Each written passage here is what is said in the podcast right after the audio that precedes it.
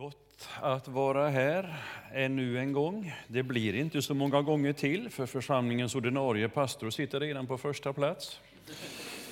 Ja, härligt, säger som, som var det Johannes döpare som sa att det är som sig bör att han tillväxer och jag avtager.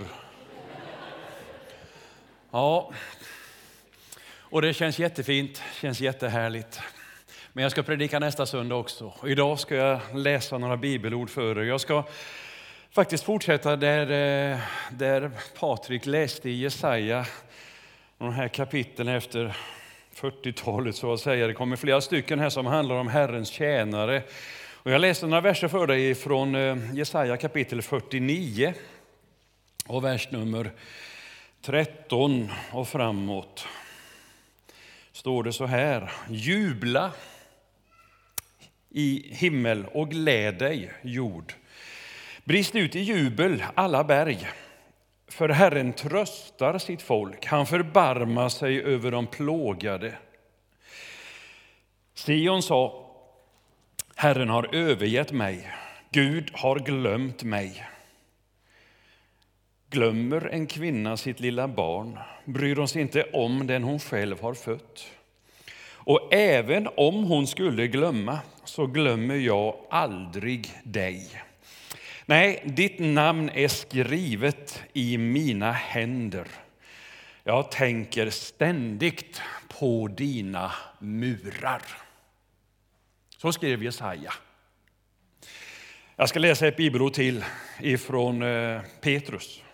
Petrus allra första brev skriver han så här, och han skriver ju till de utvalda som lever skingrade och så räknas det upp en hel massa olika ställen.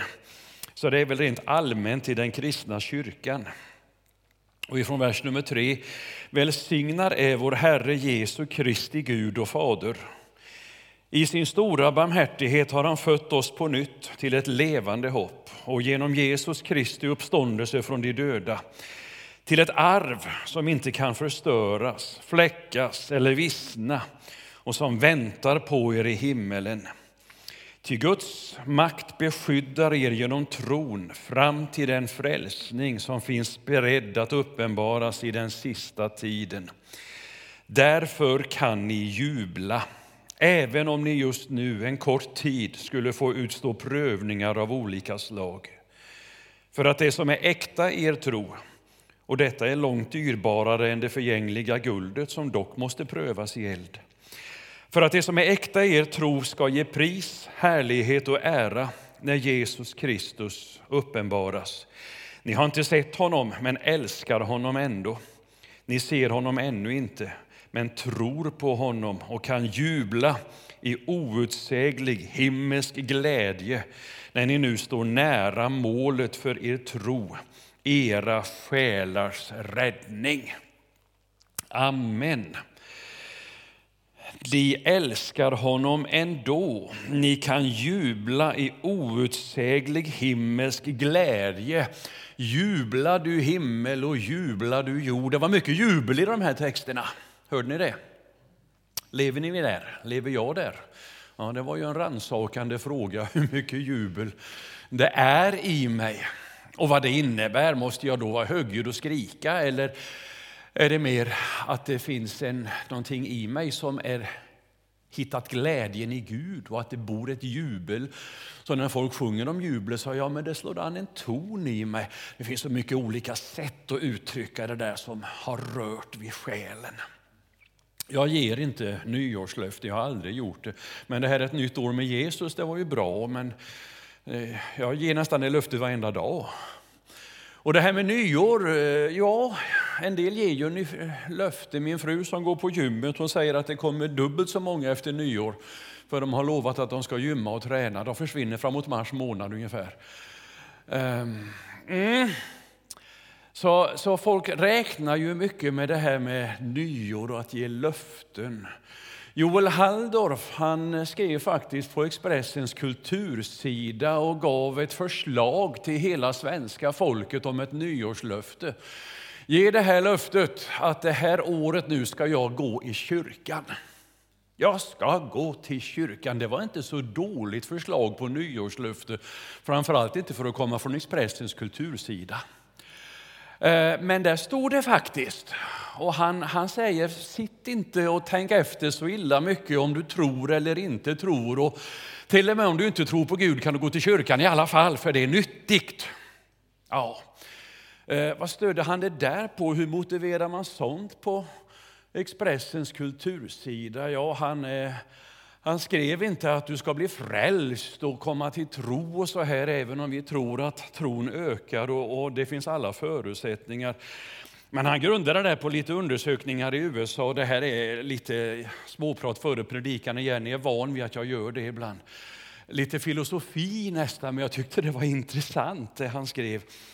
Jo, för det finns en, eh, en eh, korrespondens mellan kyrkobesökare, sådana människor som går i kyrkan och sådana egenskaper som tillit, förmågan att känna tillit, generositet mot både andra och sig själv och politiskt engagemang eller engagemang som tar sig politiska uttryck.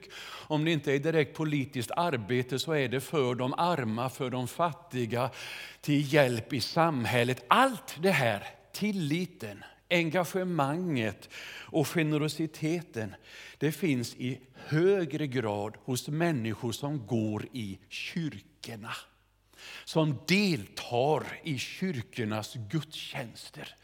Och det här är värden, skriver han, som vårt samhälle behöver idag. Därför ska man gå i kyrkan. Och, det här är ju spännande för oss som går i kyrkan då, det är inte alls samma effekt för den som sitter hemma och har en tro på Gud men inte ger uttryck för den genom aktivt gudstjänstdeltagande. För det sitter människor hemma och, och kan ha en tro och säga jag har en tro. Men lever man inte ute aktivt i en social gemenskap, i gudstjänstdeltagande, så får det inte samma styrkraft i ditt liv. Så sitter du nu hemma och är en sån här som sjunger ibland i bilen kristna sånger och du kan be en aftonbön ungefär en gång i varannan vecka eller så där. Men du bekänner, jag har inombords en slags tro. Kliv ur din garderob, kom med gå till den här bristfälliga gemenskapen som den kristna kyrkan är. Med sina fel och brister, men med sin charm och allt vad det innebär. Därför att kristen tro förvaltas i den levande gemenskapen och det händer någonting med dig. Mm. Halldorf motiverar också med att de här värdena behövs för de eroderar i samhället. Tittar man, nej, nu ska jag börja tala om min text snart, men tittar man på undersökning, och jag har inte källkritiskt granskat den, men han hänvisar till en undersökning i USA. Frågar man folk där i min ålder, är det viktigt med demokrati? Är det viktigt med det demokratiska styrelseskicket? Så säger över 60 procent, ja, det är jätteviktigt. Frågar du 30-åringar i USA så är det ungefär 30 procent som säger det är viktigt. Men 70 procent tycker inte att det är särskilt viktigt värde att försvara. I USA, som sägs vara världens största demokrati.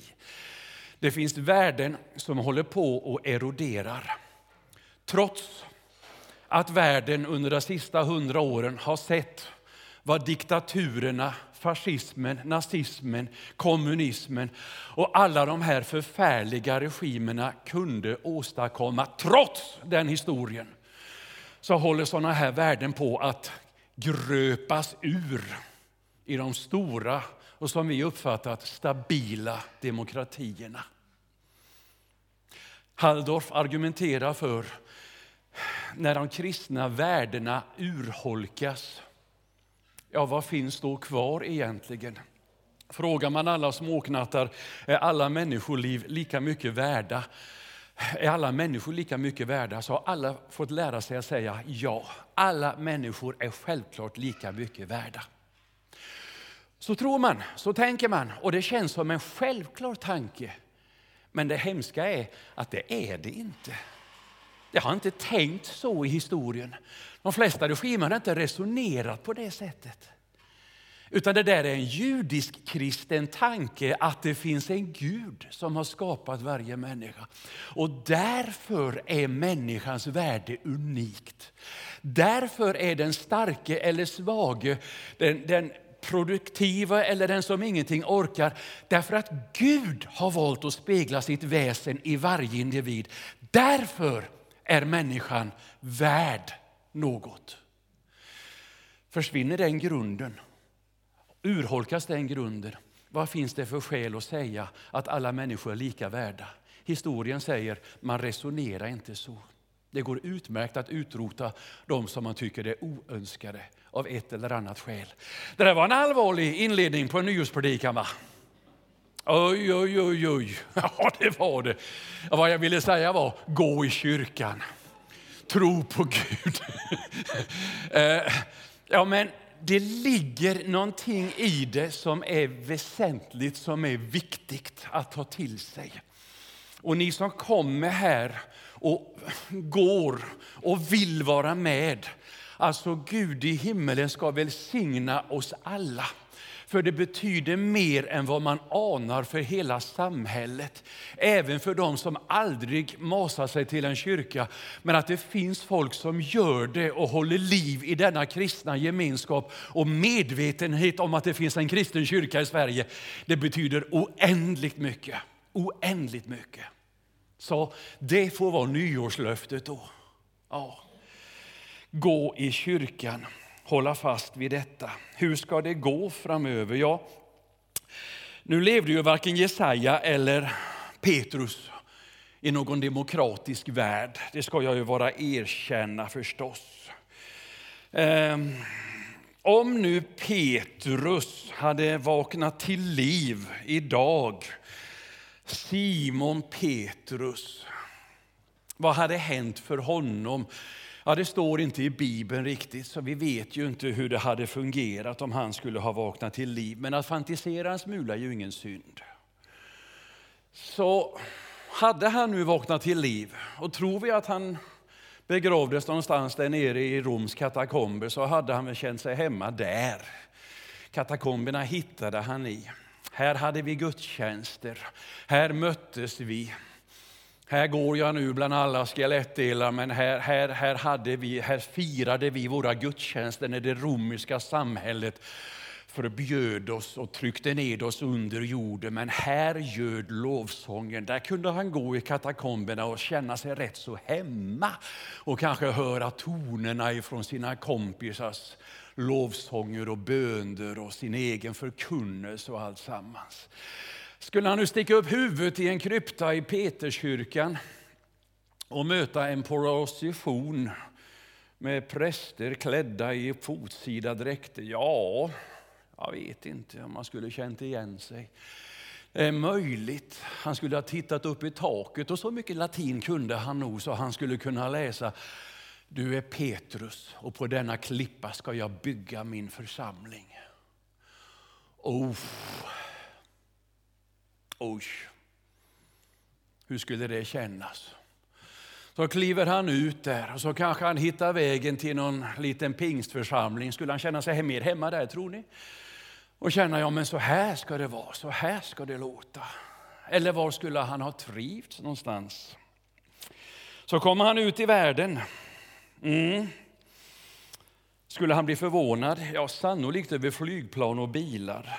Men världen sådan vi tycker att den är när vi ser på tv, krigen, lidandena, svårigheterna på det sättet i världen, ja, kanske var det ganska likt hans egen.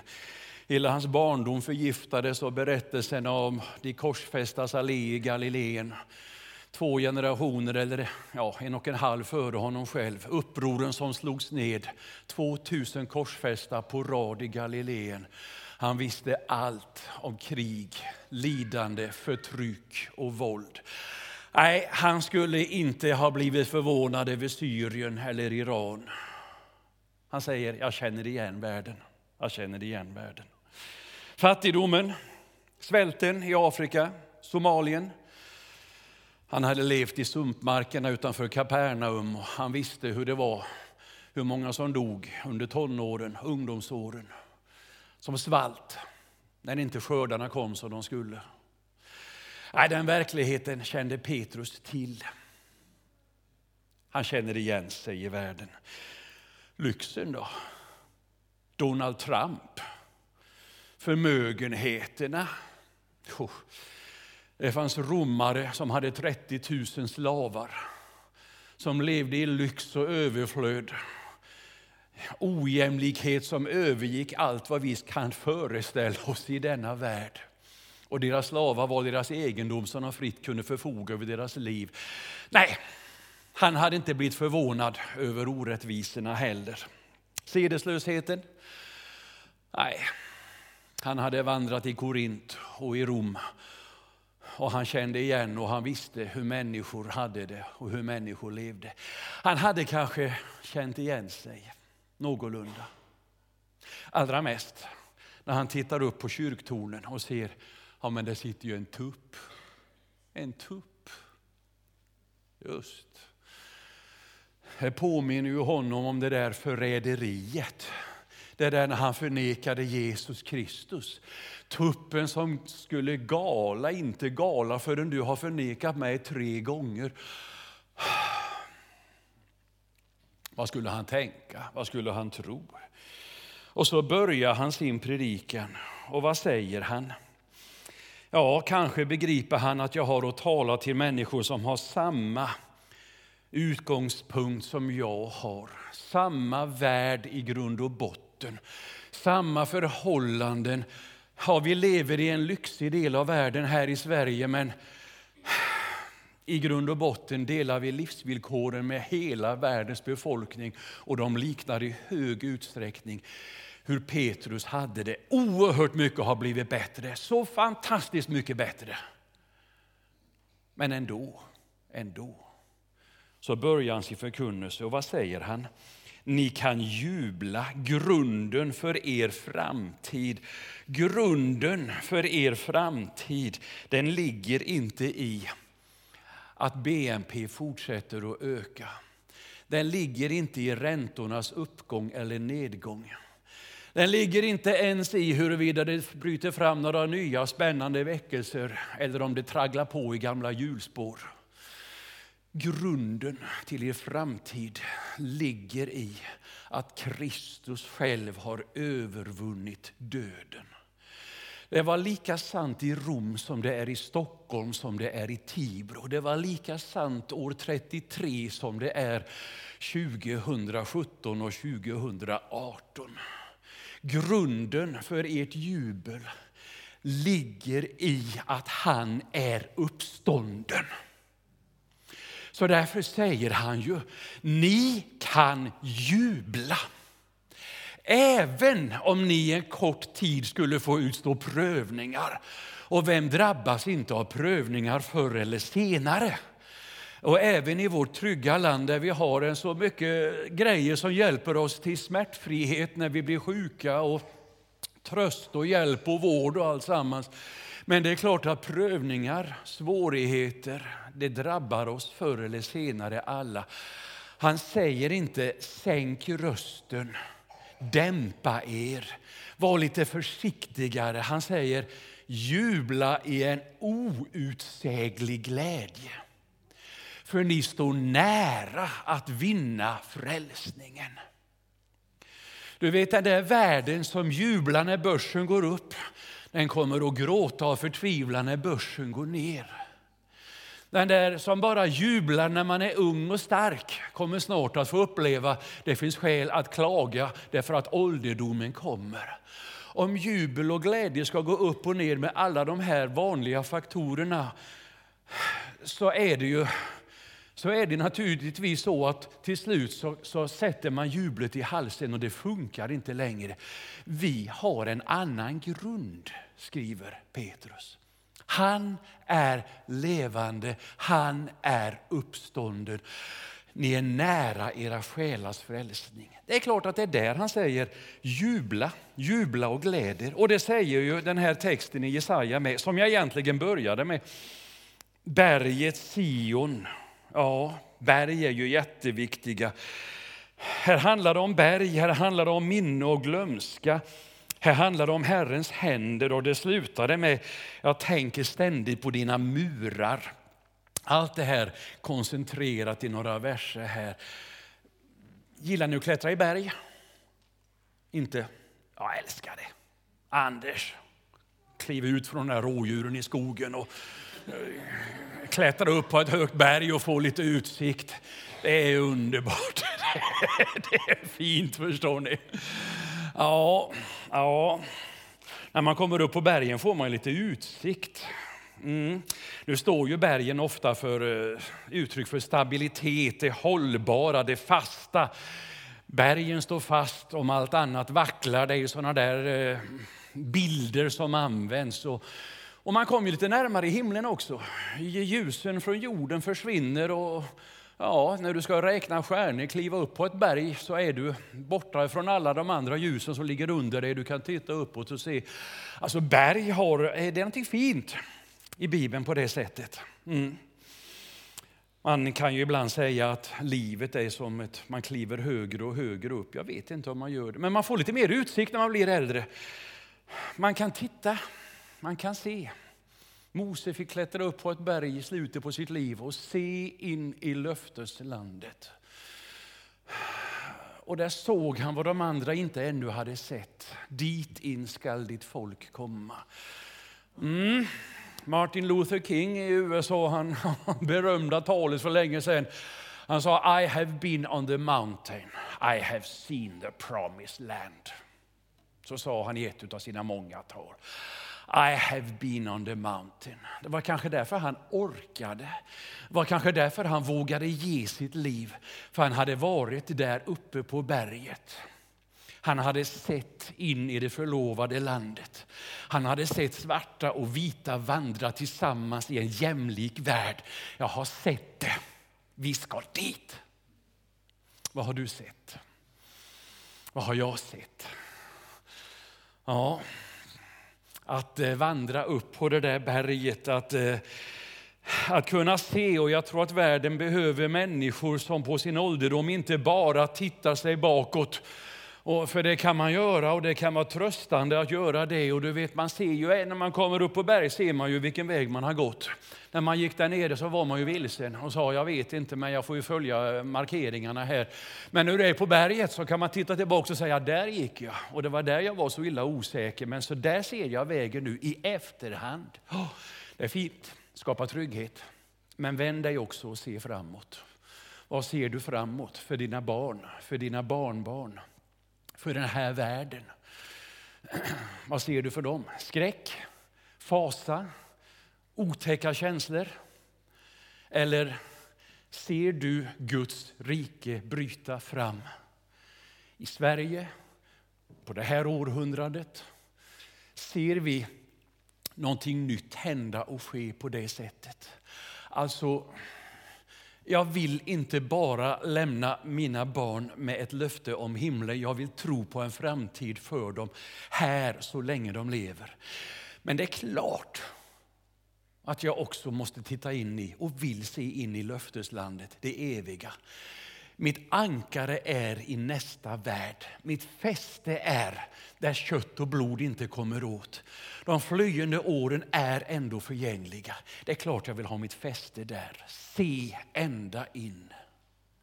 Så i den meningen, de som bodde på berget Sion, de sa ju här, Herren har glömt oss. Herren har glömt oss. Han har glömt Sverige. Han har glömt oss. Mm. Det har jag kanske sagt förr någon gång. Jag läste Thomas Sjödin en del och han, han citerar sin fru vid ett tillfälle när de hade två barn som var svårt handikappade och sen dog. Och han, frun frågar honom, Thomas, tror du att Gud har glömt oss? Är det bara så att Gud har glömt oss eller är vi utvalda till någonting särskilt? Ja, är vi utvalda för något eller har Gud bara glömt oss? Så kan man ju känna emellanåt. Misstro de som har allt för bergsäkert minne. Vi glömmer en hel del. Och det vi tror oss minnas kan ibland vara omarbetat ganska rejält. Vi märker inte, det är som med magen, den omarbetar födan utan att vi tänker på det. Jag får säga det som kommer ut liknar inte det som stoppas in. Och det kan vara så med minnet också. Att äh, man ska inte vara alltför säker. Man ska inte vara alltför säker. Nej. Misstro, misstro. De som är alltför säkra på sitt minne. Men en del saker minns man spiksäkert. En del saker fastnar. En del saker blir så där, yes, det här kan jag aldrig glömma. Mm. En del saker sätter sig i själen. Cordelia Edvardsson som var jude och satt i Auschwitz, hon hade ett nummer på armen. Och man frågar henne, minns du, vad minns du från för, förintelselägret? Hon sa, man kan inte säga det att det är ett minne. Man kan inte kalla det för att minnas hur det var. För det är fel ord. Minnas hur det är, det är som att det vore en slags intellektuell ihågkommande för hjärnan och att relatera tillbaka detta och detta hände. Det är inte så. Det här numret det står för en verklighet som är inpräglad i varenda gen i min kropp, varenda cell. Det är en verklighet jag lever i dag och natt, livet ut. Det är visserligen saker som har hänt som inte akut händer längre, men de är lika verkliga idag som då. Det kan inte kallas för minne. Det är en verklighet som är insvetsad i hela min själ. Så är det med minnet av Jesus. När jag, när, när jag minnas, nattvarden ska ju vara gör detta till minnet av Jesus, inte som en intellektuell övning. Jag kommer ihåg, jag läste berättelsen utan som en delaktighet i hela livet. Jag lever mitt liv i Kristus Jesus. Jag minns när jag tog emot honom. Jag minns bönestunder. Kan hända om jag förklarade, andra skulle säga, så var det inte, så sa inte predikanten. Nej, de där yttre grejerna kanske mitt minne har omvandlat en massa. Men i min inre värld, jo men jag minns ju min känsla, min överlåtelse, min tanke. Jag lever i det. Mm. Minnet är ju jätteviktigt. Vad vore det utan minne? Du vore ingenting. Det är förfärligt när man tappar minnet. Förfärligt för människor som får sjukdomar när man tappar minnet. När man inte minns sina nära och kära, man inte minns namnen på sina barn, man inte minns vem man är gift med. Vem är man då? Vem är man då? En del säger minnas. Ja, det är jätteviktigt att minnas saker och ting. Och minnas människor. Ja. Gud har ett perfekt minne. Han har inte glömt dig. Han kan inte glömma, säger Jesaja. Hans minne är osvikligt. Han har tecknat ditt namn i sina händer. Ja. Sitt namn i, dina, i sina händer, ditt namn i sina händer. Det är ju ett uttryck för att han kan inte få det bort från sina ögon. Och då är det inte bara ditt namn, utan det är hela du. Namnet står för den du är. Dina tankar, dina känslor. Han kan aldrig glömma dig. Kan en mor glömma sitt barn? Retorisk fråga. Svaret ska väl vara, det kan hon inte. Kan hon det? Ja, kanske. Med droger och missbruk och elände så kan till och med en mor förvandlas och förvanskat så att alla normala moderkänslor försvinner. Men inte jag, säger Herren. Jag har skrivit ditt namn i mina händer. Jag bär dig, jag håller dig, jag lyfter dig. Mm. En del tatuerar in sina barns namn på sina kroppar. Har en tjej hemma i Habo, hon har sina ena barns namn där och där. Så jag behöver bara vrida på huvudet för att se mina barns namn. Fint det där naturligtvis, för mm, ja, uttryck för att de hör mig till för hela livet. Gud behöver inte vrida på huvudet. Du är hela tiden tecknad i hans händer. Han är medveten om dig och mig. Han minns Petrus, han minns de som korsfästes. Han minns alla som har drunknat i Medelhavet. Han minns alla de små barnen som inte han få något namn av sina föräldrar. Men som Gud hade framskapat med sin heliga andes kraft. Han gav dem ett nytt namn i den himmelska världen. Han glömmer dem inte. Tycker det är fint att gå på kyrkogårdar och försöka minnas. Jag kommer jag hem till Vetlanda går jag alltid i kyrkogården och tänker på dem. Och jag tycker om att gå på barnkyrkogårdarna ibland. Det gör ont, men det är också nyttigt. För jag blir så tacksam över nåden att mina barn fått leva. Som ju inte är självklart. Och så tänker jag, alla de här namnen, här står det Peter, fem år. Peter, du stod i Guds händer. Ditt namn fanns där. Du var tecknad i hans händer innan du kom ut ur din moders liv. Guds minne är osvikligt. Därför, säger Jesaja, därför, säger Petrus, därför kan du jubla, tacka, glädja dig, ge uttryck för trygghet och tillit inför ett nytt år. Och inte slitas med av alla de som plågas av ängslan och oro och ångesten. Utan var det folk som bärs av tilliten till Gud och kan ge den till sin omgivning. Ja. Amen. Herre, jag ber dig att vi alla ska få nåden att vandra tillsammans med dig. Att det här inte blir en teknisk övning att minnas. Att kristen tro det handlar mycket om kunskaper, men inte bara huvudets kunskaper utan hjärtats insikter. Du är den uppståndne, detta som aldrig kan begripas fullt ut. Herre, detta som bara kan erfaras när jag lovsjunger dig, tillber dig, bejakar dig, erkänner dig. Detta som växer som en enorm verklighet i oss när vi som ditt folk vandrar tillsammans. Och vi kan förändra den här världen och vi kan skapa lite himmel på den här jorden genom din heliga Andes kraft. Lite jubelton i en värld som kanske rätt mycket är upptagen med ängslighet och förtvivlan och hopplöshet. Herre, vi har ett hopp i dig. Vi tackar dig för hoppet som bär och hjälp oss att leva i det varje dag och varje stund. I Jesu Kristi namn. Amen. Amen.